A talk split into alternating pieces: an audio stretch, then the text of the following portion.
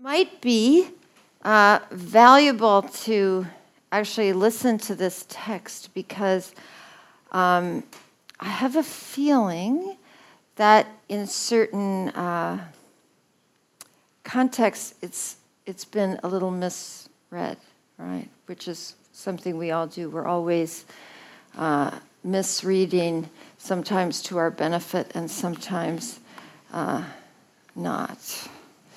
Uh, but my title is is no competition, uh, which is a quotation.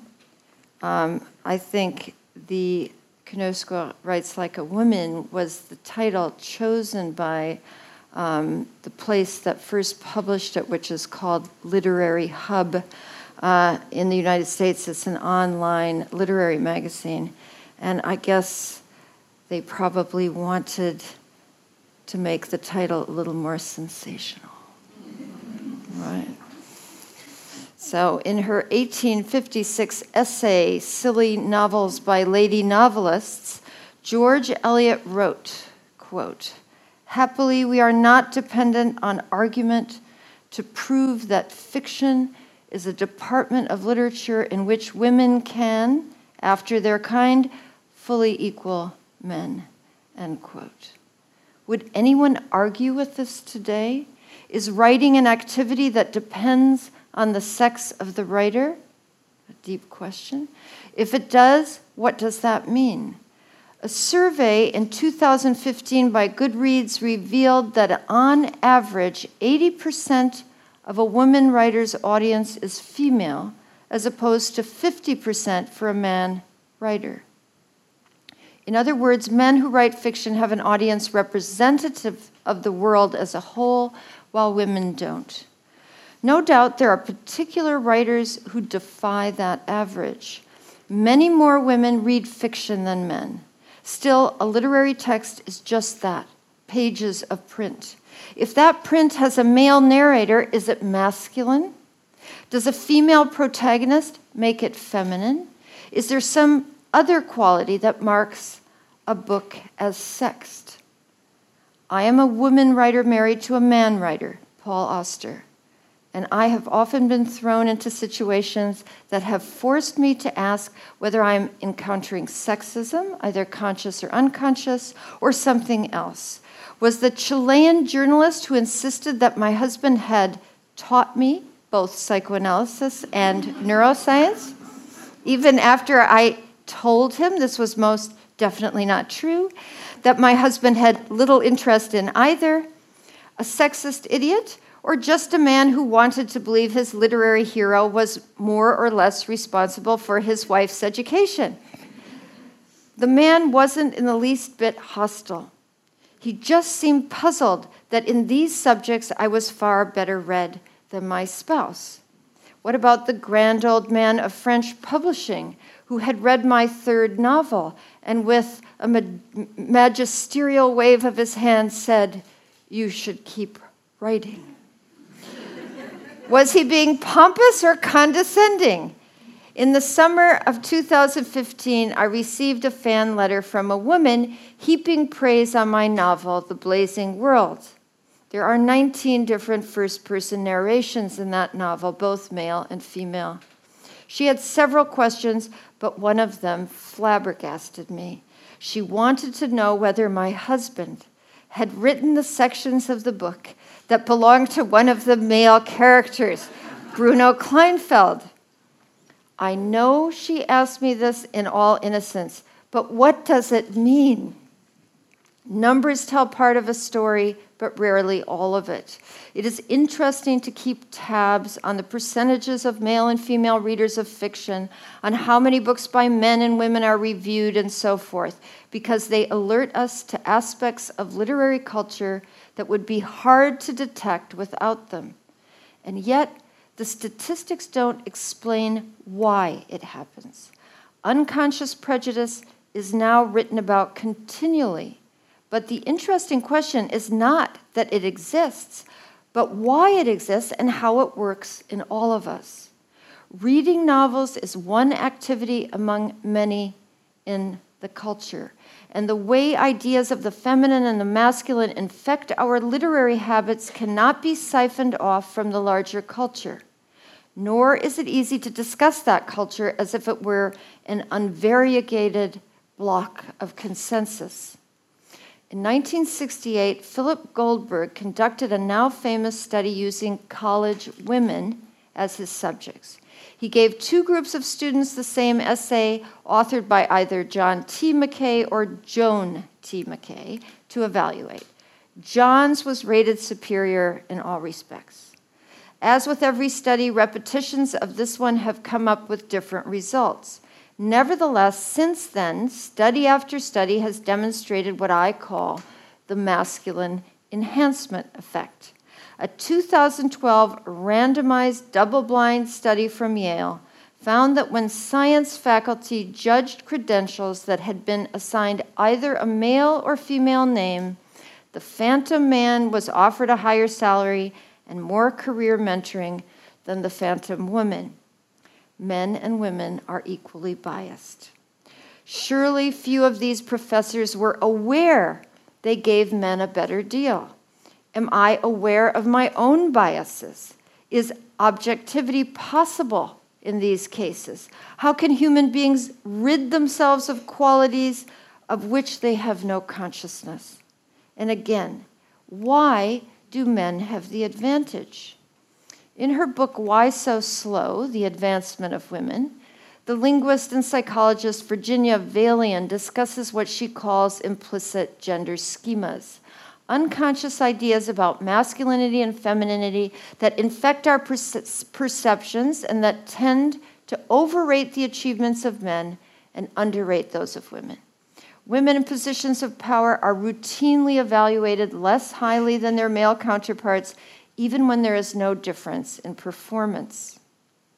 A 2008 study found that when academic papers were subject to double blind peer review, Neither the author nor the, nor the reviewer was identified. The number of female first authored papers accepted increased significantly. A 2004 study by Madeline Heilman et al., Penalties for Success Reactions to Women Who Succeed at Male Gender Type Tasks, tells the story in its title. Uh, a 2001 study, lots of studies you're going to hear, by Laurie Rudman and Peter Glick, concluded with these words The prescription for female niceness is an implicit belief that penalizes women unless they temper their agency with niceness. End quote. In order to be accepted, women must compensate for their ambition and strength by being nice. Men don't have to be nearly as nice as women. I do not believe Women are natively nicer than men.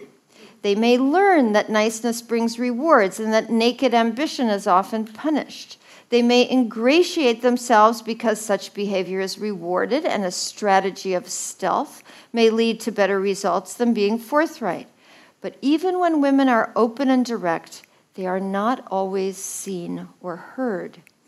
During a discussion that followed delivery of a paper at a scholarly meeting I attended, I watched a woman begin to ask a question. After a few words had escaped her mouth, a man interrupted her, took the floor, and expounded at some length. After that, she launched into her point again, and another man chopped her off in mid sentence. At final count, four men had swooped into her remarks before she finally barged in and spoke her mind. By that time, her frustration had grown, and having gained the stage at last, she made a forceful, aggressive critique of the paper. After the meeting was over, I left the room with a male colleague who, referring to the woman, said, She was really mean. we have all heard these stories. They have been reported again and again in many forms and in many places. What fascinated me about this incident was that the men who interrupted the woman did not seem to recognize they were behaving badly. It was as if she were an invisible person with an inaudible voice, a disembodied phantom in the room. She was not young, shy, feeble voiced, or hesitant. In fact, she had none of the qualities that are often blamed for women's failure to be heard in meetings such as this one. Women are too meek. Women prefer a give and take style. Women are less aggressive than men and more socially oriented. They care about the feelings of others. This woman did not lack confidence, nor did she give a hoot about whether her comments offended the author of the paper. She just had a hard time getting a word in edgewise. Had she shouted her question from the start, she might have gained the floor, but at a cost. After grotesquely rude treatment, made even more grotesquely rude by the fact that the rude people were oblivious to their rudeness, she understandably delivered her pent up words in a loud, emphatic tone, which was subsequently assigned the quality of meanness. It made me sad. No, such behavior does not draw blood. It is just business as usual. But the effects of this form of annihilation should not be taken lightly either. To speak and be not just ignored, but talked over as if you do not exist is a terrible thing for anyone. It is an assault on a person's selfhood, and year after year of such treatment leaves ugly marks on the psyche. But how is it that those men were actually blind to that woman's presence and deaf to her words? What is actually going on? Once mastered, learning of all kinds becomes unconscious and automatic. Consciousness, it seems, is parsimonious, reserved for dealing not with routine and predictable perceptions in our lives, but what is novel and unpredictable. Rote activities call for minimal consciousness. But if while standing in my kitchen I turn and see a gorilla pounding on the window, full awareness is imperative. Perception is by its very nature conservative and biased, a form of typecasting that helps us make sense of the world. More often than not, when gorillas are not pounding on our kitchen windows, we see what we expect to see we do not passively receive information from the world, but are rather creative interpreters of it. We learn from the past through emotionally important events, perceive the present in light of that learning, and then project the lesson into the future. Somehow that woman became imperceptible to the men who were speaking in that room. I am wholly convinced that the men who talked over her would have been amazed and embarrassed had they seen a film of the proceedings. Beneath this common occurrence, men interrupting women, there have to be a number of experiences that become expectations, or what some scientists call priors, which are strong enough to make an entire person disappear, at least for a while. But what are those assumptions or unconscious ideas exactly, and what might they have to do with reading literature? Another personal story holds some promise of an answer, or at least a partial answer. I once interviewed the Norwegian writer Karl Ove Knausgård in New York in front of an audience. It was soon after the first volume of his massive autobiographical work, My Struggle, had been published in English. I am an admirer of the book, or rather books, both in Norwegian and in its excellent English translation, and was happy to interview the writer. I had prepared questions, and he answered them sincerely and intelligently. Near the end of our talk, I asked him why, in a book that contained hundreds of references to writers, only a single woman was mentioned, Julia Kristeva. Were there no works by women that had had any influence on him as a writer? Was there a reason for this rather startling omission? Why didn't he refer to any other women writers? His answer came swiftly no competition. I was a little taken aback by his response, and although I should have asked him to elaborate, we were running out of time and I didn't get a chance to do it. And yet his answer has played in my head like a recurring melody no competition.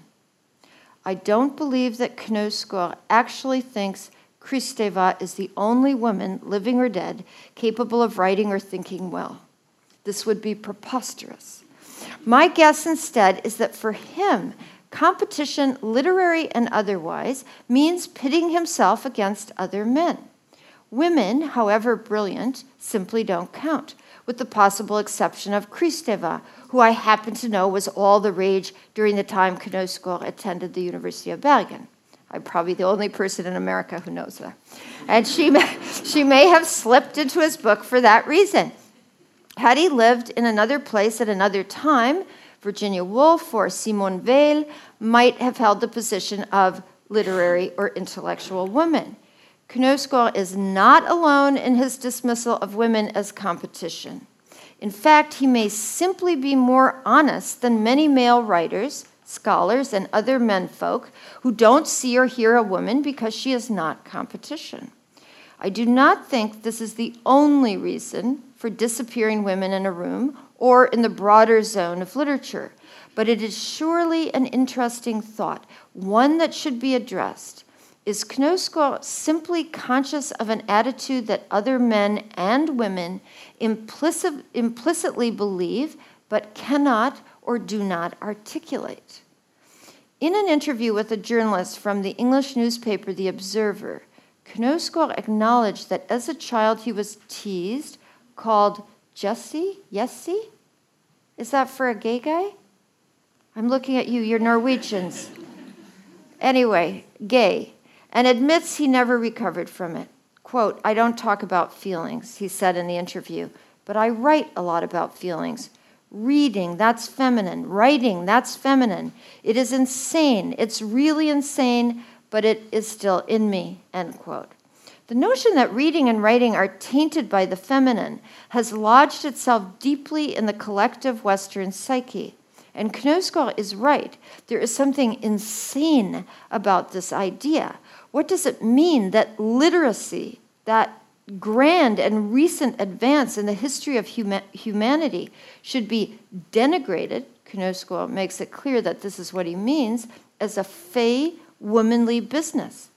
When for centuries only a certain class had access to the privilege of reading and writing, and in that privileged class, boys were the ones given superb educations, not girls, something Virginia Woolf wrote about in A Room of One's Own with notable bitterness, how have we landed in this curious cultural zone? And further, if literature itself is somehow feminine, why would women be pushed out of literary competition? We, all of us, men and women, encode masculinity and femininity in implicit metaphorical schemas that divide the world in half. Science and mathematics are hard, rational, real, serious, and masculine. Literature and art are soft, emotional, unreal, frivolous, and feminine. In a paper advising teachers on methods that encourage boys to read, I came across the following sentence that echoes Knausgård's painful childhood memories of being called girlish. This is from the paper. Boys often express distaste for reading as a passive, even feminine activity. End quote. Understanding and manipulating numbers doesn't carry the same stigma. Is doing arithmetic more active? Doesn't a child also have to master reading and writing? Isn't a mastery of reading and writing vital to negotiating the world? And since both numbers and letters are abstract signs, genderless representations, the prejudice against reading as feminine is nothing short of stupefying, or, as Knausgård put it, insane. But the bias is associative. Anything that becomes identified with girls and women loses status, whether it is a prof- profession, a book, a movie, or a disease. But the deep question here turns on the problem of feelings. What is it that made Knausgård move straight from feelings to femininity? Knausgård might be called the contemporary king of automatic writing. My struggle is an uncontrolled text. This is the nature of the project. I asked him about automatic writing in the interview, but he knew nothing about its history in either psychiatry or surrealism. He also knew nothing about the French genre I queried him about, autofiction. In autofiction, a term coined by Serge Doubrovsky, the book's hero and the author's name must be identical. And the material for the book, although it can use the devices of fiction, must come from autobiographical sources.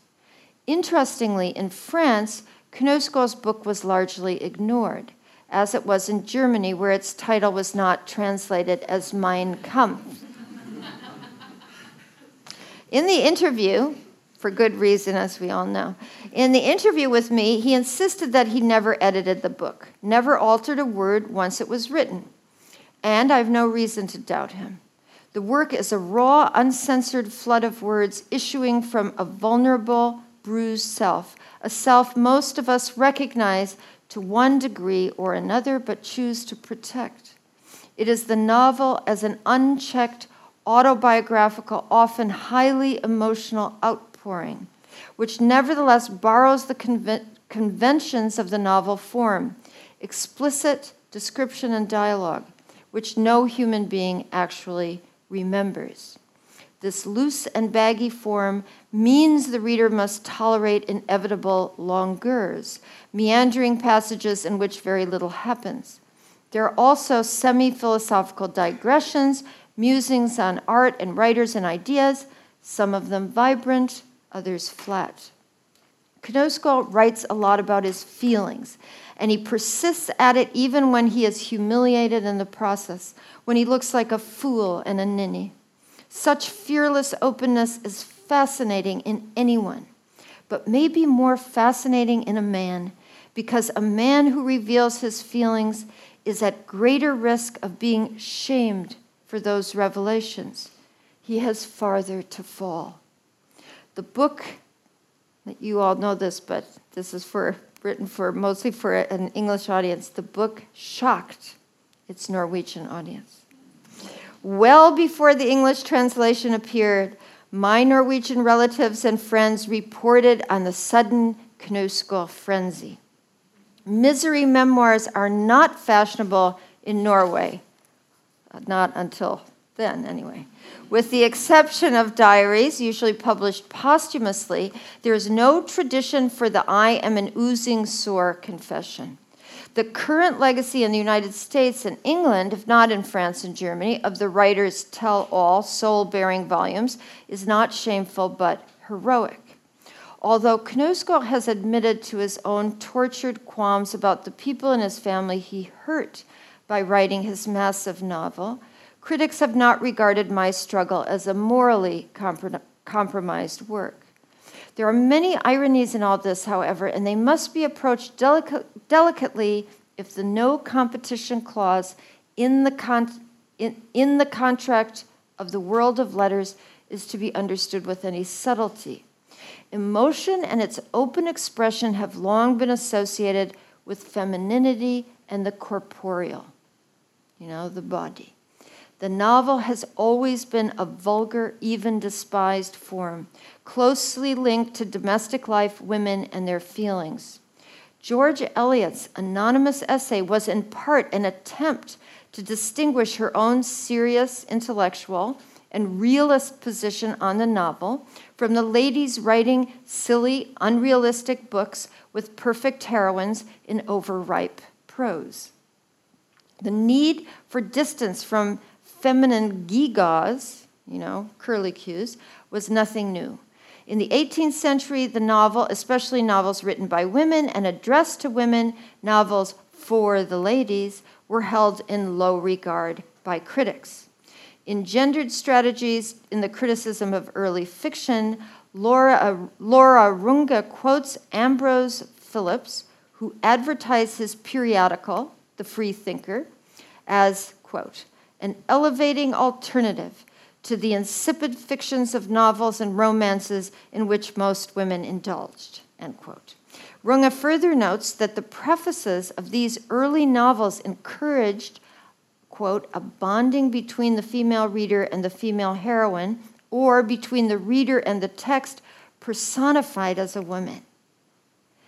The novel has long been sneered at as a girly thing. For the Romantics, feeling, which was regarded as a feminine principle, was bound to all of the arts, and we continue to live under their spell. The feminine man or man of feeling was a staple of the period. No one has forgotten Goethe's sensation, junge Werther, his tender, aching sensibility, or his suicide that set off a rash of imitations.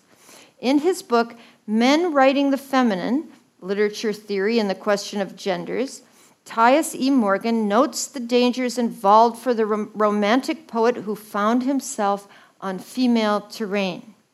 Although Morgan's prose is awkward, his point is well taken. This is Morgan.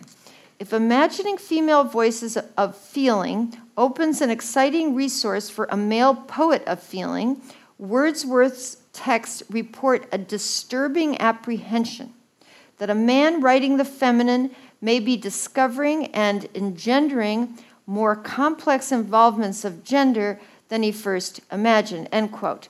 This is a warning to everyone that academics should learn how to write a sentence. In other words, becoming woman or allowing woman to creep into one's writing self may be dangerously transformative. Knausgård's journey into femininity is not parody or transvestism. His is not the wor- world of Rabelaisian carnival or cross dressing or the liberating joy that may arrive while playing at being the other sex. Nor do his adventures mimic the famous fairy tale in which the man and woman change places for a day. She goes out to plow the fields, and he stays home with the children. The moral of the story is that the man who had derided women's work as effortless discovers that it requires an agility and skill he lacks. No, Knausgård's minute descriptions of domestic life, the potato peeling and diaper changing, the hostile feelings he bears towards the children he loves, and his rage at being trapped and suffocated by household responsibilities belong to nothing so much as the woman's narrative. Indeed, Knausgård's scrupulous details of domestic reality summon the 18th century English novel, Richardson's Clarissa in particular. And as in Richardson, these homely particulars are dignified, even ennobled, as part of a singular human story.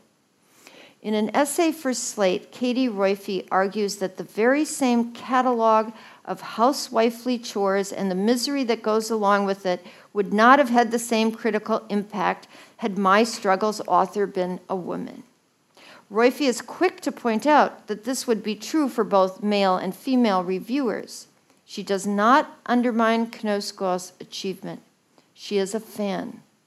Rather, she is pointing to a contextual problem.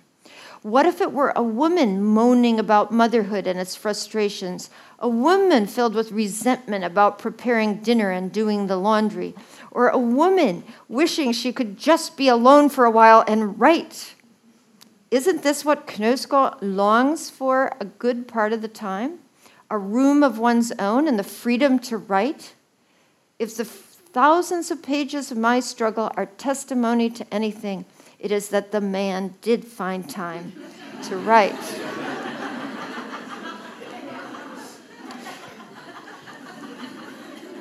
he did. But what if a woman were doing the griping? Roiphe doesn't say this, but the beaten down housewife is a stock figure. Although the joys and satisfactions of domesticity were romanticized well into the 20th century, that angel of the house has had her wings clipped. Wasn't she the restless white middle class housewife ably described by Betty Friedan? Her isolation was, of course, in part due to her privilege. Women working at menial jobs to support their families never had the luxury of being bored in their own homes. To those who insist that it is Knausgård's great artistry that saves him from the banal, Roiphe counters that no matter how artistic, the hypothetical Carla Olivia Kraus writing the same work would never have been taken as seriously. In fact, Carla Olivia Krauss would disappear. When a man becomes housewife, when he lives a story that has traditionally belonged to women alone, is that story new or old? Let us be frank. Any and every story sinks or swims in the telling. But still, it is fascinating to think of my struggle as a narrative of what, of what Simone de Beauvoir famously called becoming a woman. We know our narrator is a man because he worries about the manly. He will not use a rolling suitcase. It smacks of the feminine. He, that was that really got me. I mean, who knew? I, I just, I, is just who knew that? I read that. I go, wow. I just, just never, never crossed my mind. Uh, he suffers from premature ejaculation, not a womanly complaint. The, we don't have that. The writer's father is described as a man of irrational, erratic whims and suddenly explosive tempers, a petty tyrant who used his patriarchal power to humiliate his son, a boy who lived in a state of permanent alert under his progenitor's mastering gaze. In Scandinavia, the expectation that men should participate in domestic and family life is greater than anywhere else in the world. I do believe it and I see it, and I'm proud of everyone in Scandinavia. Paternity leave is widespread, but more than that, one can feel a difference in the way women and men move and talk and carry themselves in these countries. There is a palpable sense that women have more power than they do in other places. In Norway, women have had the right to vote since 1913. As a writer, I am treated differently in Scandinavia. Journalists seem less eager to reduce my work to my sex or my autobiography than do journalists in France and Italy, for example. In the United States, it has also become more common for fathers to take care of their children, at least more than they used to. Knausgård's epic may have foundered in France because the spectacle of a morose, diaper changing, dinner cooking dad has little traction in that still vigorously macho culture. By cultural standards, my struggle is in fact a highly feminine text, attentive to the nuances of feeling that accompany ordinary domestic life. And ordinary life, I must add, is not lacking in drama. The scene Knausgård describes near the end of the first volume of his six volume work, when he and his brother clean their dead father's house encrusted with filth, is among the most powerful passages of fiction I have read in years.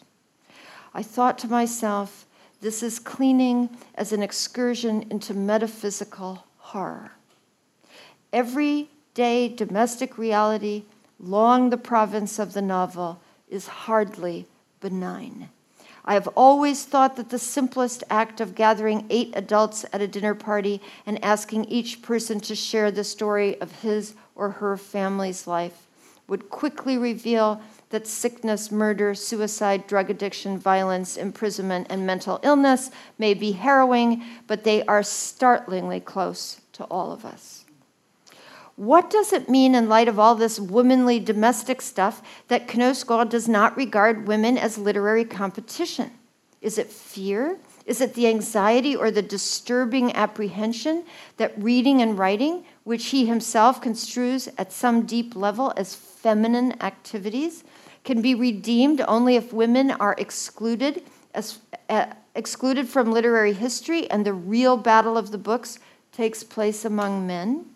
Is Knausgård as man and as text an example of the psychic journey the psychoanalyst Jessica Benjamin expl- explicates in her book, The Bonds of Love? She argues that for some boys, not all, the need, common to but different in boys and girls, to separate from the all powerful mother of early childhood metamorphoses into contempt for her and for other members of her sex. Or is it a scorn for what is so overwhelmingly feminine in Knausgård himself, that soft, hurt, feeling core of the personality, which he explores with singular courage in his writing? Isn't it also true, however, that this girl woman self must be actively countered by the boy man self. That because this woman's narrative is actually a man's narrative, the danger of womanliness is all the more ferocious. I am not sure, to be honest, but I suspect these questions turn on the many anxieties involved in this particular literary phenomenon.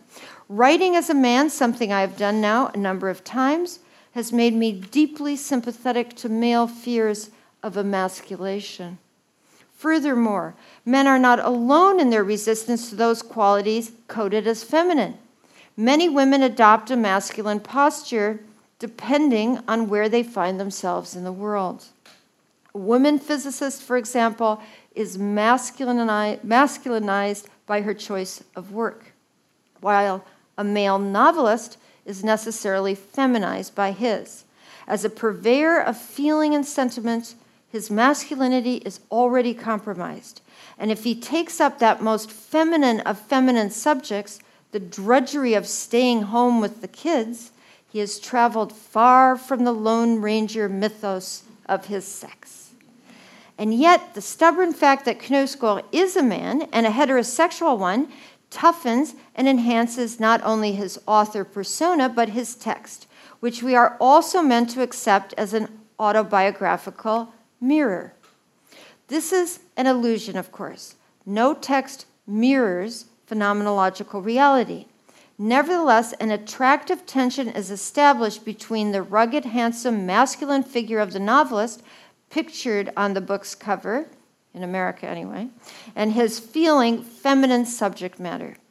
Unlike other novelists who populate their fiction with characters who are not themselves figments who reside exclusively in the world of the novel, the Knausgård in the world and the Knausgård in the world of the book are supposedly one and the same.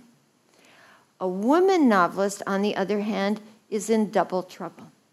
If she writes imaginary stories, such soft stuff is made all the softer by her female identity.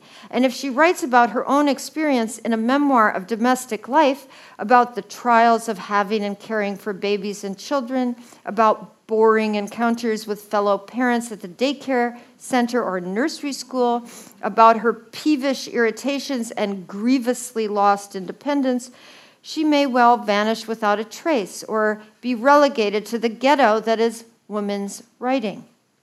Then again, she may not. The reception of fiction is fickle. If publishers could recognize success in manuscript form, publishing would be a very different business. Because I write fiction and nonfiction and have an abiding interest in neurobiology and philosophy, still mostly male disciplines, I embody the masculine, feminine, serious, not so serious, hard, soft divide in my own work. When I publish a paper in a science journal or lecture at a conference in the sciences, I find myself on male terrain. But when I publish a novel, I stay squarely in female land. The audiences at public events vary accordingly. From about 80% male in the sciences and philosophy to exactly the reverse at a literary reading or event. Isn't this interesting? Uh, believe me, this is my life. This gender geography becomes the context for one's work and for its perception. Where exactly does competition come in? Undisguised competition in the form of verbal sparring, one upmanship, and the blow by blow dismantling of a paper are common in the sciences and philosophy and they are certainly not unheard of in the humanities. I once gave a lecture on trauma and literature at the Sorbonne in Paris, and the questions came hard and fast once I had finished speaking. I loved it. For one thing, in these worlds, knowledge counts. The more you know, the better off you are. And I revel in the lively combat of ideas that takes place in these sequestered but intense worlds of the intellect. Further, I have learned a lot from such robust encounters. I've had my mind changed by them. Fighting about ideas is fun.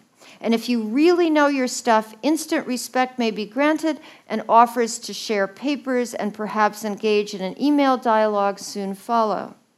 Knowledge and thinking well with that knowledge have power. Implicit schemas and prejudice are not eradicated. Women sink from view in these worlds too, as my story of the woman desperately seeking a little room for her words illustrates. But in the right circumstances, a brilliant, scintillating paper or lecture can break through the schemas and become a gorilla pounding on the window. Writing novels does not rely on this kind of knowledge. Some brilliant novelists are strikingly erudite, and others are not. Erudition is not what makes a work good. As novels by the likes of Lionel Trilling and Edmund Wilson and others have demonstrated, I'm sure Norwegians have their own, so clearly. And although the idea of the best and the biggest and the hottest and the hippest is omnipresent in popular culture, literary and otherwise, doesn't dog eat dog competition in the world of novels seem a little odd? What does that competition involve? Every writer longs for recognition and praise, but every writer must also know that the prizes and congratulations on hand are often ephemeral. Writing a novel is not like solving Fermat's theorem. The right solution in a novel is the one the novelist feels is right, and if the reader agrees, a match has been made. And this may be part of the problem. If literature is finally about taste, if there is no ulti- ultimate mathematical proof of superiority or inferiority, it may become all the more important to guard against the harpies and succubi lurking in the form itself. That said, competition exists in all enterprises, and competition creates envy and bitterness, global features of every subculture, scientific and artistic. Competition can be lively play, a kind of mental dance or sport that invigorates its participants. Evolutionary psychologists advance the idea that women are not competitive or are less competitive than men. But this thought makes me howl with laughter. Where have these people been living? Are they blind to female ambition, not just in the present, but throughout recorded human history? This fantasy of competitive males and coy females requires a retreat to a foggy evolutionary past of hunter gatherers on the savannah, the details of which must be left to guesswork. The idea that sexual selection has shaped literary culture is a neo Darwinian notion of dubious merit. And yet, the idea of the promiscuous male mating right and left with any female in sight and the discriminating female lives on, despite the overwhelming evidence that far too many species violate this supposedly ironclad rule for it to remain standing. I have no idea if Knausgård was making a Darwinian reference to competition during his interview with me. He may have been. I love Darwin as a thinker and as a writer, and I do not dispute that we are evolved beings. But the neo Darwinism of evolutionary psychology is a suspicious hybrid of Darwin and computational theory of mind, a hybrid that was in vogue in Norway via Steven Pinker some years ago before our meeting due to a much watched, much discussed, wildly popular television show that the writer may well have seen or heard talked about. In this thinking, male competition is used to explain a long list of sex differences due to selected traits. Although it may be comforting to explain a need to be alone and free of the burdens of child care, or a fierce desire to punch out other male writers in the literary arena as a genetically determined trait, the weaknesses of this theory are many and they have grown weaker with every passing year. Nevertheless, even stupid ideas can have power, and they infect perception. To look another writer in the eye and soberly declare that she and every other woman on the planet who ever lived are no competition with the possible exception of Julia Kristeva, is a striking comment at the least. The game, then, according to Knausgård, belongs to men. And it is here that the story becomes truly sad for both sexes, it seems to me.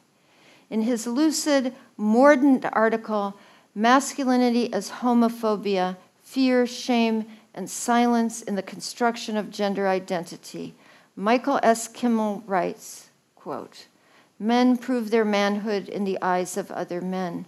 End quote. Male status, pride, and dignity revolve around what other men think. Women don't count.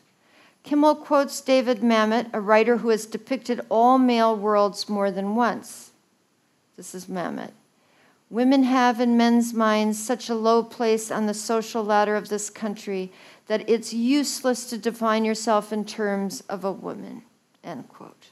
From this blinkered perspective, men ignore or suppress all women because the idea that they might be rivals in terms of human achievement is unthinkable. Facing off with a woman, any woman, is necessarily emasculating.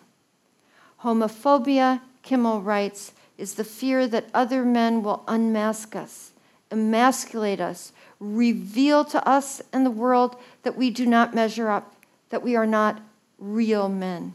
End quote. This statement could, in fact, describe the ongoing terrors and humiliations of my struggle. In the oddly hermetic, paranoid world of the heterosexual white man, the dirty secret, according to Kimmel, is that the anointed demigod does not feel all that powerful. Instead, he is beset by anxieties, feelings born of keeping up an untenable position, a kind of ongoing false self. Such are, quote, the feelings of men who are raised to believe themselves entitled to feel power, but do not feel it, end quote. The man who rolls rather than carries a suitcase is in peril of becoming the weak woman or the swishy guy. He is taking a trip into the scary, polluted territory of women and gays, where the real man's manliness might be exposed as a flimsy front. The irony is that the underbelly of white male power, of the clubby, self congratulatory, back pounding, pugilistic posing, is extreme vulnerability. Every human being is capable of being wounded. If the feelings that result from the inevitable cuts and scrapes every person accumulates in the course of a lifetime are understood as feminine, then it seems to me we have all become terribly confused. The difference between male and female vulnerability may be that in a woman, this quality fits into our perceptual schema more easily than it does in a man.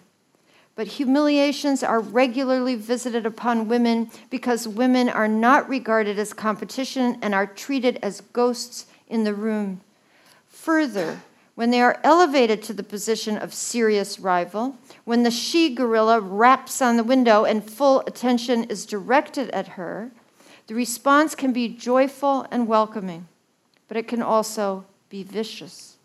A brilliant, young, beautiful neuroscientist I met at a conference told me the story of her public humiliation at the hands of an eminent, much older male colleague.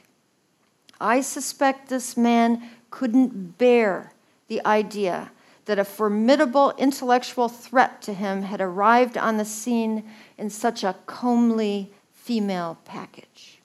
His gratuitous cruelty in front of a large audience was too much for her. She cried. Tears, however understandable, fit perfectly into those implicit schemas that guide our perception. Women can't take it, they break down.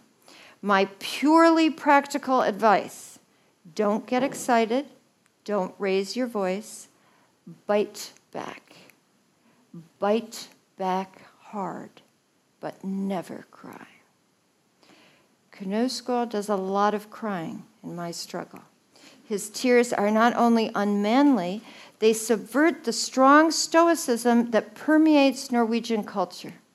I know, I grew up with it. You had to have a damned good reason to cry. Death of a loved one, a terrible accident that left you bleeding and maimed, agonizing illness, this has probably changed. But and even then, such a display was approved in private, certainly not in public. When my struggle was published in Norway, it was as if a grown man had stripped naked, walked to the town square and mounted a bench in order to wail and blubber in full sight of his fellow citizens. And in Knausgård's case, it was made worse by the fact that the public was privy to the reasons, not always so grave, for his sobbing.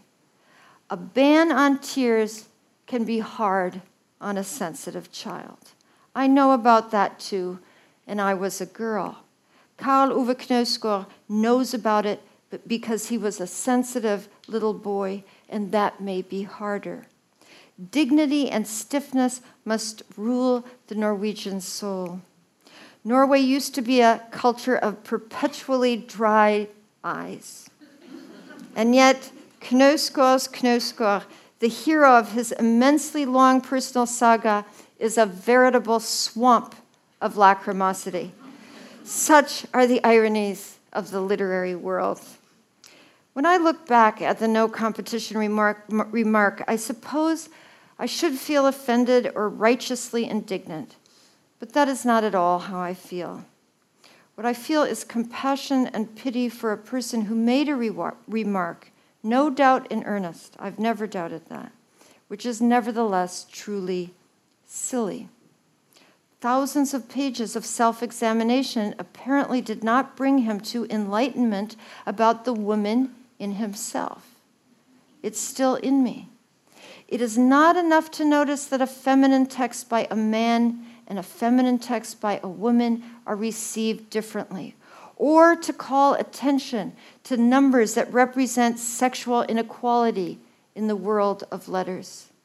It is absolutely essential that men and women become fully conscious of what is at stake that it is blazingly clear to every single one of us who cares about the novel that there is something at once pernicious and silly at work in our reading habits, that the fate of literary works cannot be decided by a no competition clause appended to a spurious homo-social contract written under the aegis of fear that such a clause is nothing short of insane.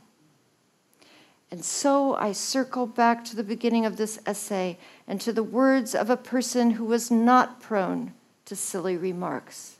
Happily, we are not dependent on argument to prove that fiction is a department of literature in which women can, after their kind, fully equal men.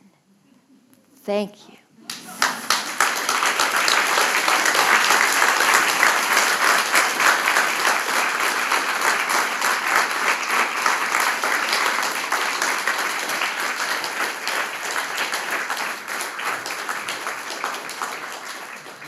So I think I said they said some questions. Are you that should, should I should I just do it? Anyone have any questions? There's actually a lot of things that can be played out in many ways. There, way in the back. What do you think about literary prizes that are only for uh, women? So, a Women's Book Prize or Women's Poetry Prize, um, that some say are to counter the fact that yes. other literary prizes are going to so many men. Right. What do you think about that? well, think I about think that? you know you see this in everything. I mean, I, I, somewhere in this fat book here, I say, you know, you never hear anyone talk about a man writer. I mean, I do it in that beginning. I'm married to a man writer. Who talks about a man writer? We talk about women writers, black writers, gay writers, uh, uh, trans writers. You know, that it's always that uh, preface. So, in order to even it out, I'm not, I'm not opposed to that. Um, but of course, if we arrive at some point at, a, at greater equality, it won't happen, right? You won't need a prize for women. Yeah, just a comment on the, um, you know, if you could just blank out the, the name uh, yeah. before deciding. But maybe it's also uh, not just about the, the, name or the gender of the writer, but what we consider uh, feminine, good, masculine. Yeah, good yeah. literature. Um, that women maybe write from a different point of view than we have different experiences. Of, and- of, of course. So, then- yeah. yeah. But I, I actually think um, that if you did that experiment, just the way they've done the essay experiments and literary experiments, experiments with paintings, all of this has been done in empirical science. People do not automatically identify a work as male or female, you know, uh, which so that it's much more difficult to do than people imagine. I mean, I've heard many people say to me, "Oh, but I could tell right away." That you know, but then you know, uh, so uh, I, if if a book is taking up, as I say in in this essay, traditionally feminine themes, then you're more likely to identify the uh, the writer as a as a woman, of course, um, and at the same time, I think that what is art about? It is actually about becoming the other. huh? I mean, my work, my being a novelist, is entering the lives of these other people, characters, male or female, and uh, I'm I don't think that that's easily recognizable necessarily as you know, that I'm a woman or that my fellow women writers are, are writing classically what we would think of as women's fiction. I think the variety is immense, right? Do you feel confident that you could identify any text? Yeah. Thinking more that um, sort of what is considered, you know, great literature um, often is a little um, difficult for me to write because I'm not in that tradition in a way. You know, uh, say um, Oh, Thomas I- Bernhard or those guys. You know, can I ever write like that? You know, or can a woman? Um, Those voices You know, are in you, yeah. you know. It's, it's, it's about choice, right? I mean, it's about, you know what I mean? So, so I think uh, this is, these are fascinating things. There's no question, even one of, you know, our greatest writers, Jane Austen, you know, the Divine Jane, uh, is often just a little denigrated because these are domestic uh, uh, writing. And I, I remember Joyce Carol Oates, who's a lovely person, but she said in the New York Times once, well, if Jane Austen would just stop describing all those dresses.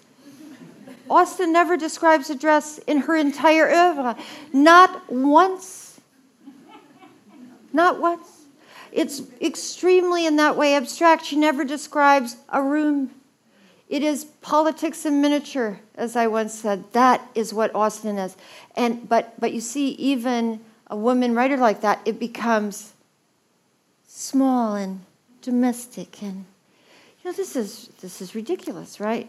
So, you know, why and then you get this weird thing that a man is writing about domestic life for hundreds and hundreds and hundreds of pages and because it's a man, it's a noble thing.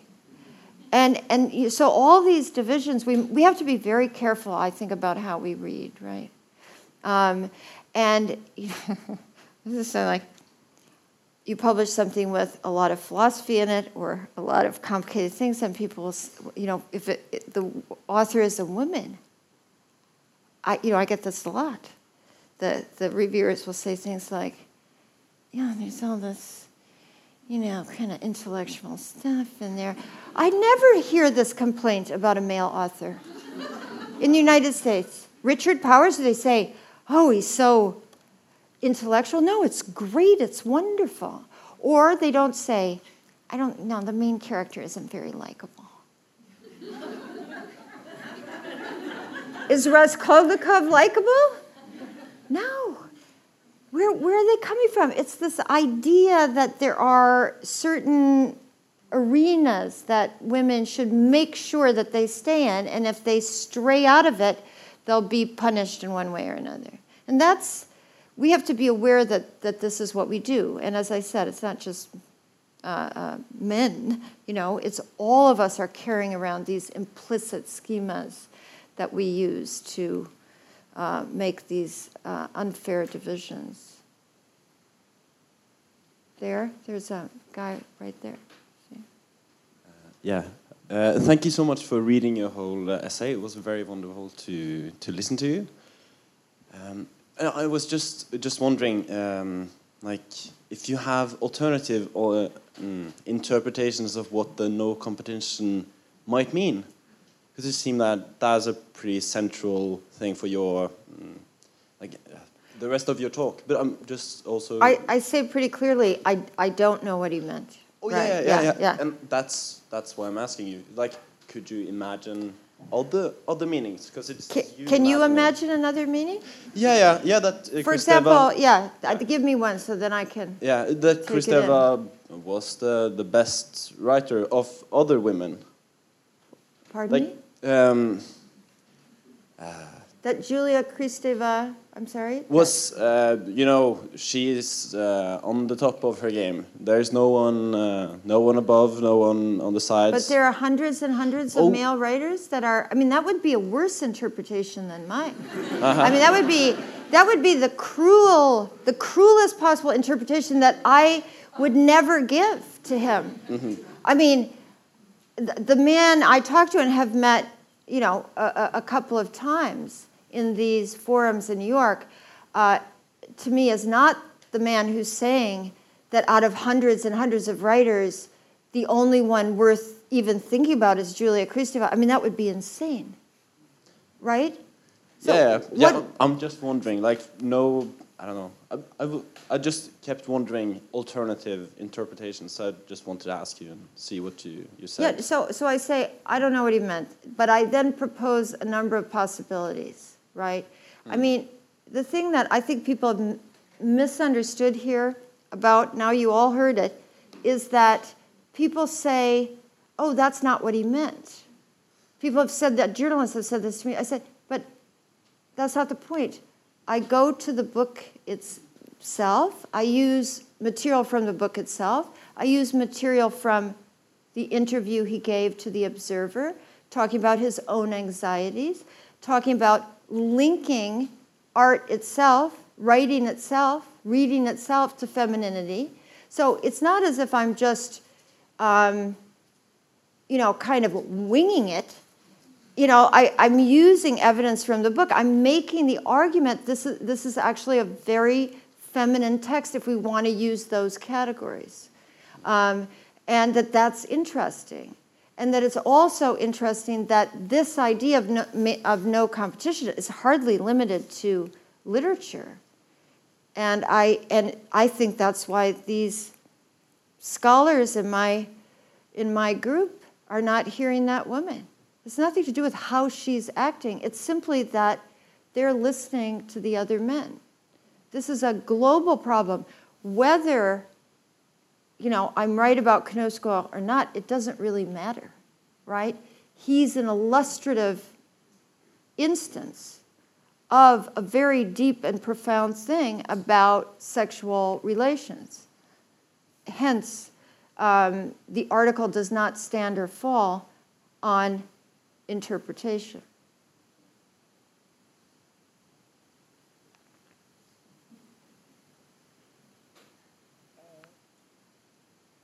Uh, I just wonder if you could help me out. Uh, Yeah. I'm hosting a literary salon in Haugesund.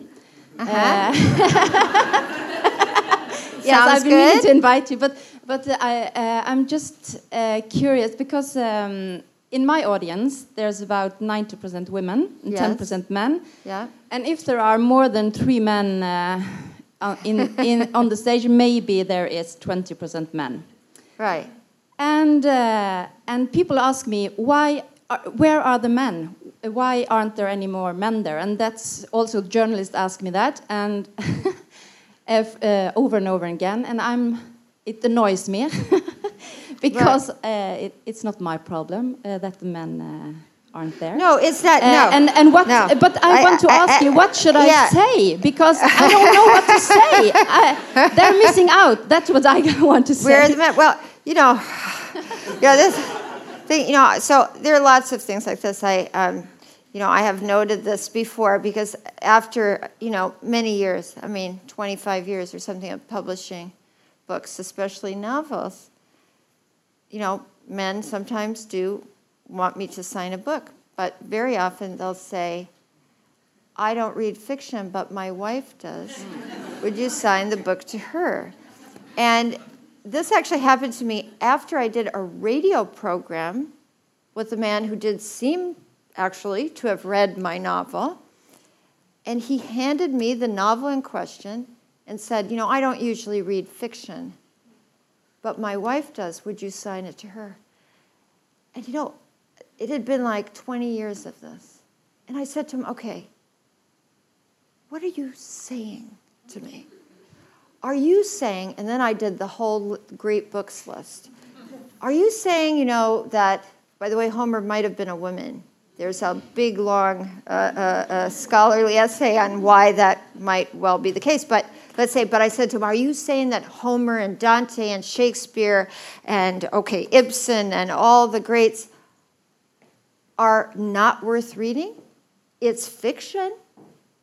Are we just supposed to throw those guys out the window? Very, very red face, very embarrassed. And, I, and, and then you know that's not what they're saying. They're saying, I don't want to read you or others of your kind. And what, and I've been thinking for a long time, what is that? What is the act of reading? The act of reading is, it is true, it is the act of submitting yourself to the voice of another. Being really, while you're reading, that voice becomes yours. It becomes your internal narrator. You have to give up your own voice and take on the narration of the book. And that, I think, carries the threat of emasculation.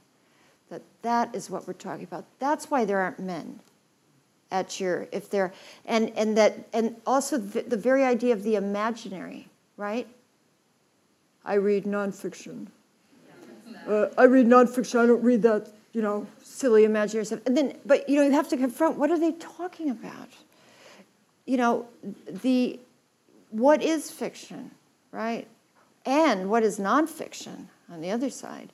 Um, that the idea of nonfiction is something serious and historical and rooted in the world um, is, uh, you know, philosophically, this is a very complicated question, but I do think that this is sad for the culture because the reading of good novels, the reading of great fiction, is something that uh, helps all of us live in the world.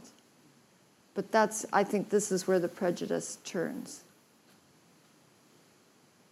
Can I also ask you another question? Sure. It's okay.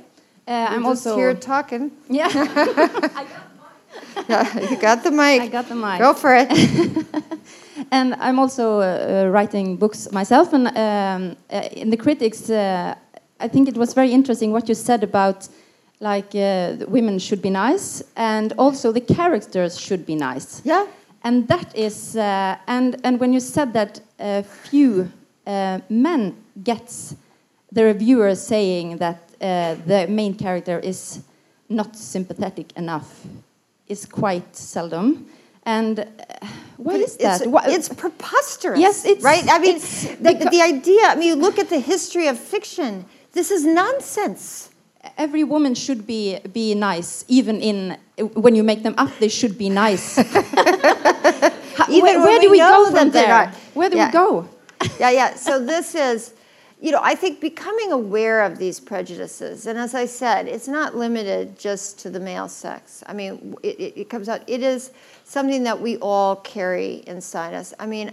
i have noticed even in my own uh, life that um, an, you know, an aggressively uh, in, insistent woman, say at an academic conference, looks much more aggressive than a man who is equally aggressive.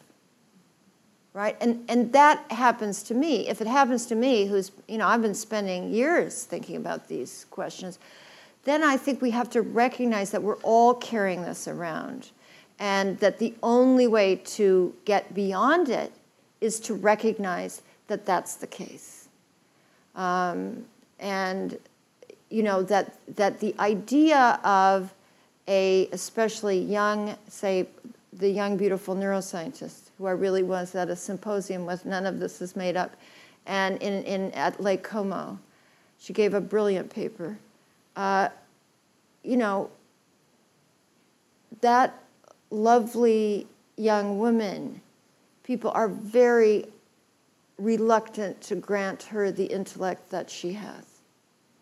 Right? They don't have any problem with a beautiful young guy. You know, that is not a problem, but she's a problem. And that's because the body is so coded as feminine. That, um, and that prejudice is across the board, right? The beautiful young woman in a low cut dress who's, uh, you know, just published a fantastic paper in physics. We don't think that that's possible. It is. I happen to know some pretty sexy female physicists. but, but she's breaking the, the, the barrier, right? She's an explosion of, of what, what our stereotypes tell us is possible and impossible.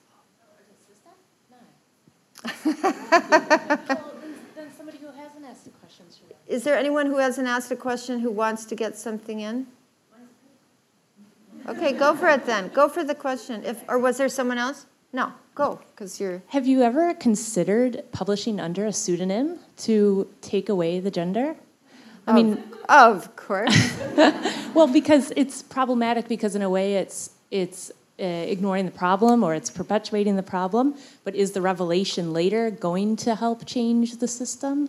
Do you think this Listen, is this a... is this has been done. I mean, this is on, on a there, there, was a this is a good story to end with. So there was um, a young woman uh, in in the states who had been sending in a manuscript under her own name uh, to, you know, agent after agent after agent after agent.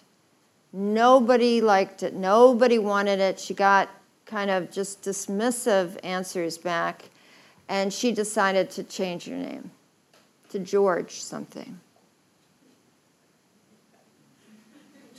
It went so much better. So the same, even some of the same editors just thought this new thing was great. It wasn't new, it was the same thing she had sent out before. When I was very young and way before the iPhone, People didn't know Siri in the United States was a, a woman's name. So I would send out my manuscripts, my stories, my poems, et cetera, et cetera, and, um, and I began to get back these rejection letters. They were addressed to either Mr. or Miss. I cannot tell you how much more respectful than Mr. I have them. The Mr. letters were so respectful of my talent and my intellect and you know wow and the uh, and the ms were very dismissive and kind of condescending it was the same text they just want you know they thought i was a man or a woman and it came from both men and women i mean the the editors that really it, it gave me pause yeah so that's who knows? Pseudonyms are, are, are, are a good, good possibility. Thank you so much. Thank you for listening.